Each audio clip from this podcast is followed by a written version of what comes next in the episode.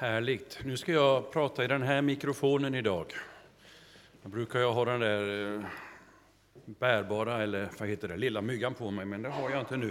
Tekniken sa det, prata i den här, sa han. Stå still. Nu sa ju Julia här i intervjun att det är tråkigt att stå still, sa hon. Men det ändrar sig med åren. Det ändrar sig med åren. Det blir allt mer fridfullt att stå still också. Hörrni, eh, underbart möte.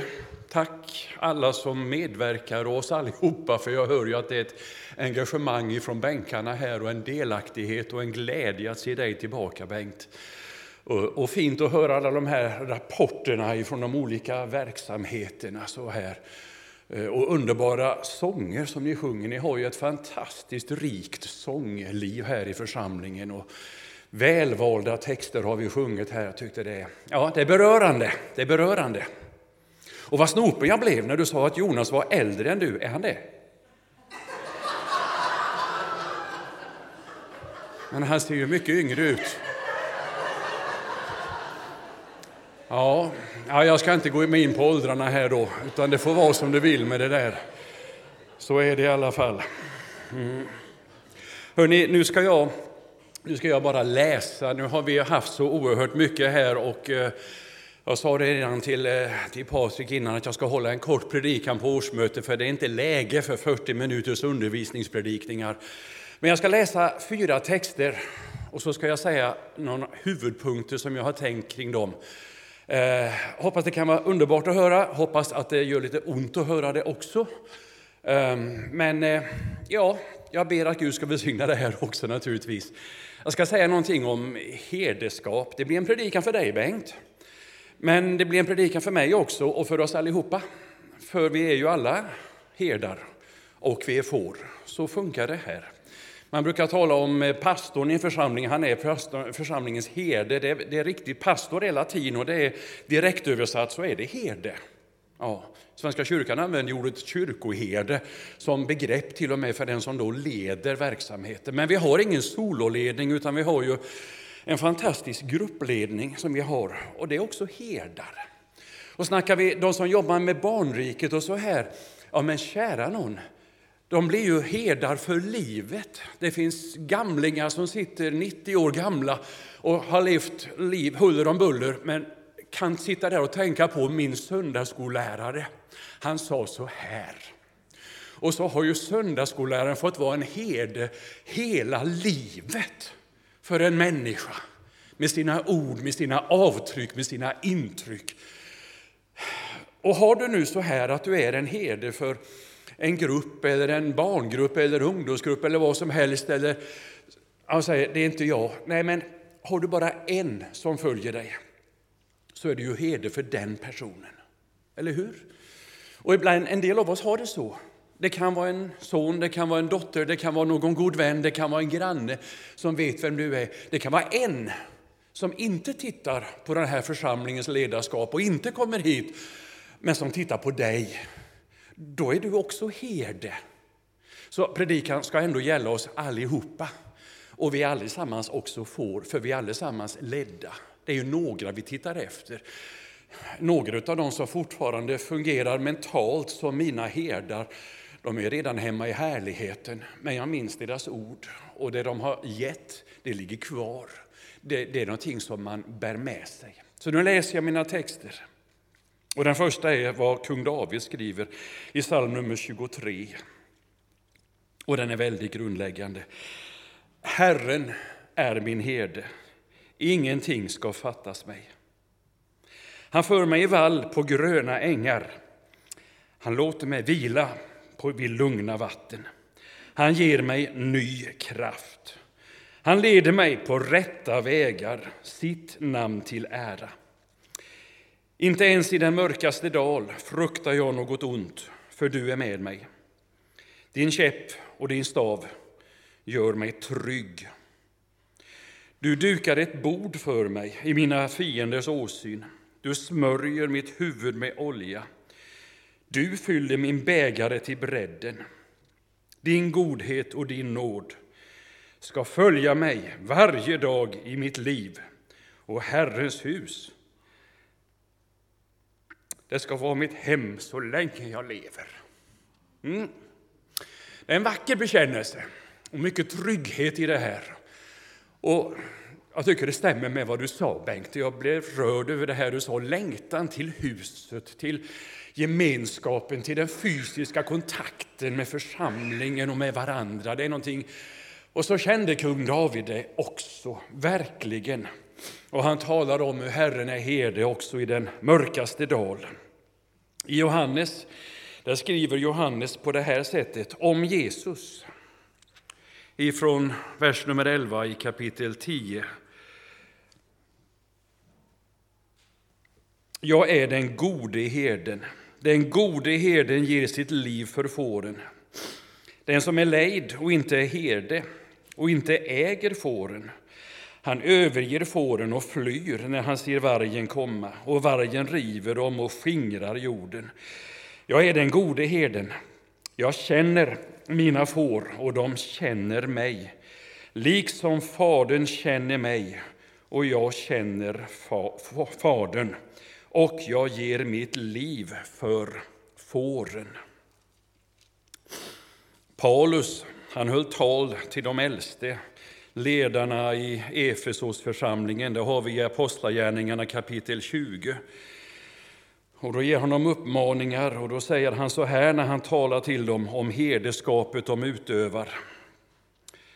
Ge akt på er själva och på hela den jord som den heliga Ande har satt er att ha uppsikt över för att ni ska vara herdar för Guds församling, som han har vunnit åt sig med sin sons blod. Jag vet att när jag har lämnat er ska farliga vargar som inte skonar jorden tränga in bland er. Ja, ur era egna led ska det träda fram män som förkunnar villoläror och dra lärjungarna över på sin sida. Håll er därför vakna. Ja, och så fortsätter han att tala om sig själv som föredöme. Får jag läsa en slutligen sista text som är från Petrus. Petrus som också talar om äldsteskap. Han säger så här i sitt första brev och femte kapitlet. Till era äldste riktar jag denna maning, jag som själv är en av de äldste och kan vittna om Kristi lidande jag som också ska få dela den härlighet som kommer att uppenbaras, var herdar för den jord som Gud har anförtrott er. Vaka över den, vaka över den, inte av tvång, utan självmant, så som Gud vill. Inte av vinningslystnad, utan av hängivenhet. Uppträd inte som herrar över dem som kommit på er lott, utan var föredömen för jorden. Då ska ni, när den högste herden träder fram, krönas med ärekransen som aldrig vissnar. Gäller alla herdar. Gäller dig som har barnen som din närmaste fårjord. Uppträd inte som herrar över dem, utan som den du är, var den du är och tjäna med hängivenhet. Vad fint att höra dig, Reidun. Heter du Reidun? Ja, jag säger ofta fel på hennes namn, det är så väldigt krångligt namn. Fint det där! Ett hederskap, ett berörande. Mm. Ja. Vad ska man säga om det här? Jag, jag behöver kanske inte säga så jättemycket. Vi talar ju om herdar och vi gör det vid jul och vi talar om herdarna som kom till Jesus och hittade honom i stallet tillsammans med de vise männen. Det var både kungar och herdar som kom och det där ska väl symbolisera att det är rikets förnämsta och det är de högst stående härskare från olika världsdelar som kom med sina gåvor, men det var också de enklaste och det mest nedersta skiktet i samhället, för herden var lågt stående i, det, i, det, i samhället. Det var den det var den som stod allra, allra lägst ner egentligen. Ja, han var, han var smutsig och eländig och usel lön hade han. Det är ingen uppmaning att vara dålig i lönesättningen till pastorn. Eh, så menade jag inte, ni får inte misstolka mig. Och det är inte heller någon uppmaning till pastorn att missköta sin hygien. Men de levde ju, de här riktiga hedarna så att säga, de levde ju bland fåren och de Ja, de var lägst stående och föraktades en smula i samhället. En herde. Har inte mycket att komma med. Varför gjorde de det då? Varför blev det så? Ja, återigen, missförstå mig inte, men de var, de var ju inte särskilt produktiva. Det är ju så att de yrkena blir ju lägst aktade och minst betalda som saknar produktivitetskravet där riktigt. Va? Jag menar, en krukmakare han gör ju något med sina händer. Han formar ju en kruka, en silversmed, han skapar ju någonting. Va? Bonden han får ju ut säden och han går ju där och tar in den sen och han bagaren bakar ju brödkakor. Vad gör heden? Han sitter på en sten och tittar på fåren medan de betar. Tittar på molnen halva tiden och tänker, ja, fint det här. Mm. Det var ju på det sättet ett inte produktivt arbete. Det är ingen uppmaning till pastorn att vara lat. Där får jag skicka med det också. För det står andra ord att man ska strida och det står bilden av att vara en soldat och att kämpa och sådana här saker. Men det finns någonting i det som inte får gå förlorat. Det finns någonting i det som handlar om att det handlar faktiskt inte om effektiviteten, kompetensen, produktiviteten. En del pastorer som förlorar sin eh, trygghet i sin kallelse de kan ibland försöka kompensera det genom att visa hur duktiga de är och jobba dag och natt. Och när de har skrivit upp 60 timmar per vecka så känner de sig, nu är jag värd lika mycket som de andra som är rektorer och ledare och duktiga i församlingen. Och det är synd om dem, för de, de, har inte självkänslan och tryggheten i sin kallelse. Och går man miste om den så blir det ett jagande efter bekräftelse. Herden behöver inte det. Eh, han ska inte vara den mest produktiva i det aspektet. Han förväntas inte vara den som kan allting. Så är det för dig med när man nu kommer och kallar dig här och frågar dig, för jag vet ju att församlingen jobbar med frågan om nya ledare, äldste, styrelseledamöter, nya människor i barnverksamheten. Kom ihåg det här. Det är aldrig det viktigaste att du kan alltihopa. Att du har drivkraft som ska driva och ta över och köra över och du säger jag orkar inte. Du duger som du är. Det är Herren som verkar. Och är vi många ledare så blir det lättare börda för oss allihopa. Och vem du är betyder mycket, mycket mer än vad du kan. Även om man sen också kan lära sig en massa och bli duktig i olika uppgifter. Och det är gott att utvecklas. Våga säg ja. Våga de här stegen. Därför att Herren har, man säger att Jesus kallade apostlar, men det gjorde han ju aldrig. Han kallade ju fiskare och snickare och tullindrivare. Sen gjorde han dem till någonting de inte var tidigare. Han gjorde dem till apostlar. Så det är klart att du ska våga, om du får dem förfrågan, våga tro på din möjlighet att vara herde och ledare så att vi får uppleva hur Gud välsignar församlingen i det här. Nej, herden han var inte värd så mycket när han satt där och inte var den som hade de mest konkreta, skapande, produktiva uppgifterna. Han var inte det, men två eller tre saker. Man förväntade sig vissa saker av herden. Och de stod ju också här. Han måste, han måste vara hemmastad i terrängen. Han måste veta åt vilket håll han ska gå med fåren. Han måste själv ha varit vid vattenkällorna och veta var de finns. Har han inte själv druckit ur källorna, hur ska han kunna leda fåren dit då? Kanske måste han också ibland ha gått igenom lite mörka dalar för att hitta de vattenkällorna så att fåren kan vara trygga när det blåser lite mörka vindar och man kan känna att jag är trygg ändå, för herden går här. Och jag känner närheten till honom eller henne. Och jag känner att det här kommer att landa bra. Det finns ett slut på den här mörka dalen.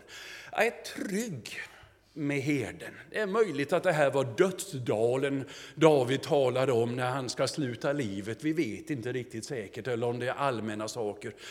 Herden måste veta var är källorna så att han kan leda fåren dit. Det är därför Paulus säger till de äldste, ha akt på er själva. Man kan inte gå så upp i sitt arbete som man slutar titta på hur funkar jag, hur uppfattas jag, eh, vem är jag? Glömmer jag att böja mina knän och att själv be till Gud för min egen skull? Läser jag Bibeln bara för att hitta predikotexter, då är jag såld som predikant. Då är jag död som predikant inom ett par år. Absolut. Jag måste själv dricka vattnet för att veta, här rinner en källa. Den kan jag tala om, den kan jag visa vägen till. Den kan jag berätta för någon när vi sitter och pratar enskilt, för jag känner igen mig och den människan i mig. Det är därför det behövs många herdar i en församling. Många herdar. Därför att människor har olika erfarenheter att dela med sig av och andra människor kan spegla sig i det. Sen måste han leda jorden. Han måste få den att röra sig. Och han ska röra den framåt sakta, i den takt moderfåren orkar gå. Så är det. Eh, ja, en del tycker att det går för sakta. Och de får man väl försöka få att springa runt, runt lite och lura i dem att de gör någonting viktigt. Nej, inte riktigt. De gör någonting viktigt. För de, gör, de, de tränar och de, de är viktiga för jorden, för de, de driver på en smula att vi måste röra oss.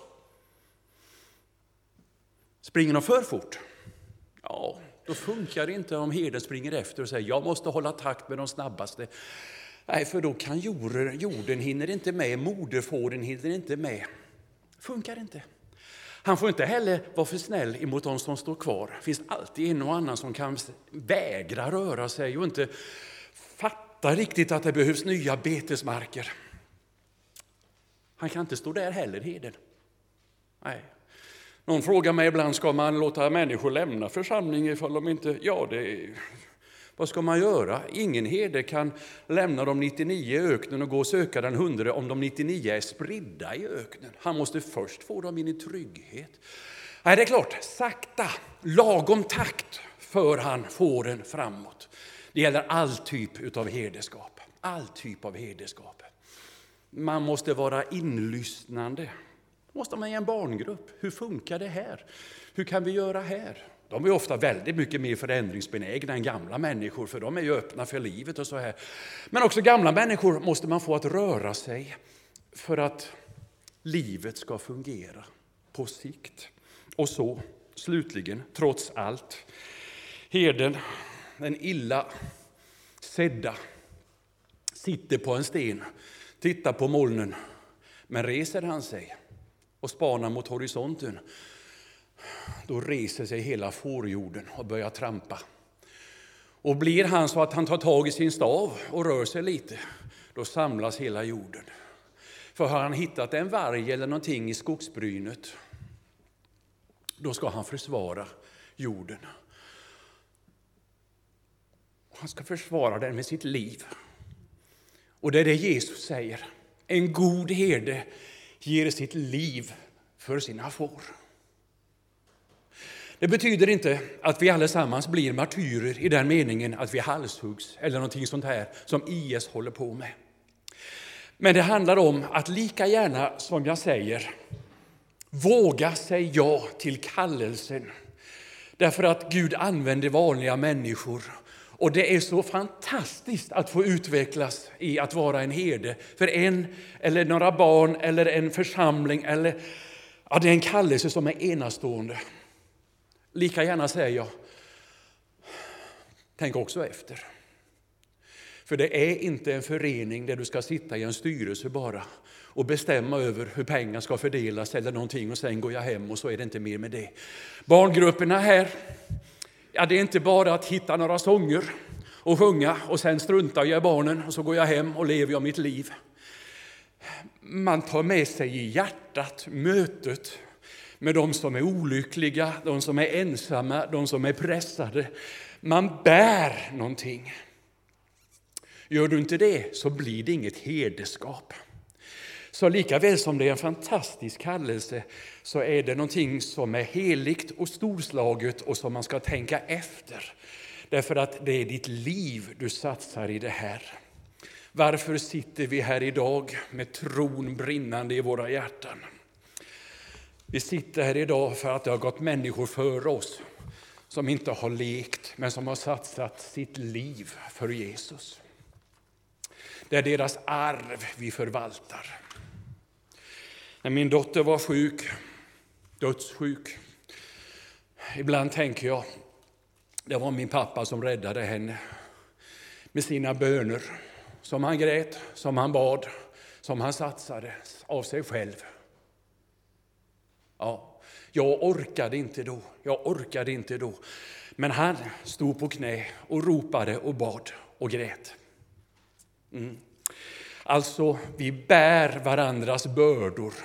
Det kostar något, men det ger något. Och lika väl som vi sitter här idag som mottagare av ett arv av människor som har satsat livet, så kan vi få ge efter oss ett arv. Och det kan sitta en tredubbelt stor församling här om några år, i den här lokalen eller någon annanstans. Arvtagare av det du har gjort och varit med och gjort under ditt liv. Tack för att jag har fått vara med här en tid i ert liv. Jag har fått vara det som vakanspastor tidigare, jag har fått rycka in som vikariepastor nu. Jag ska sluta nu. Bengt kommer tillbaka nu. Nu ska han inte behöva hjälpen igen. Och det känns ju fantastiskt fint. Det har känts fint för mig. Jag har inte gjort det på skoj, jag har velat någonting med det här. Men jag har gjort det med en väldig glädje och ni har gett fantastiskt mycket till mig. Fortsätt på den vägen. Själv ska jag åka på ett årsmöte till om en stund, klockan 14 börjar det, i Karlsborg. Och det är väl sannolikt att det blir lite kontinuerlig predikohjälp där, där de också har en pastor nu som är långtidssjukskriven. Och jag sätter mig inte på hyllan och jag lägger mig inte i soffan, utan jag försöker nog hänga i.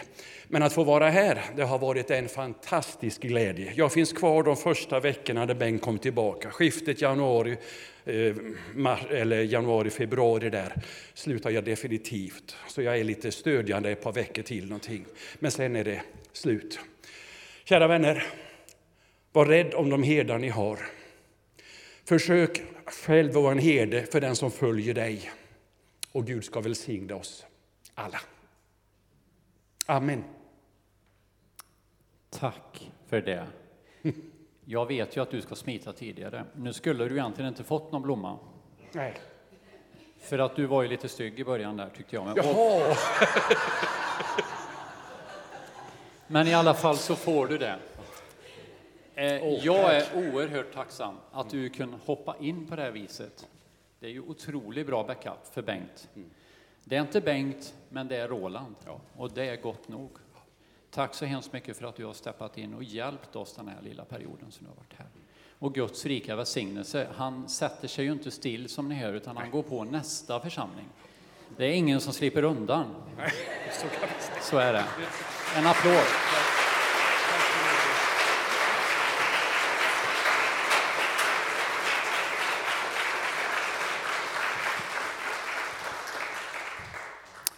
Du fick den eh, jobbiga uppgiften att predika väldigt kort efter en väldigt lång gudstjänst. Hörni vänner, vi ska fira nattvard.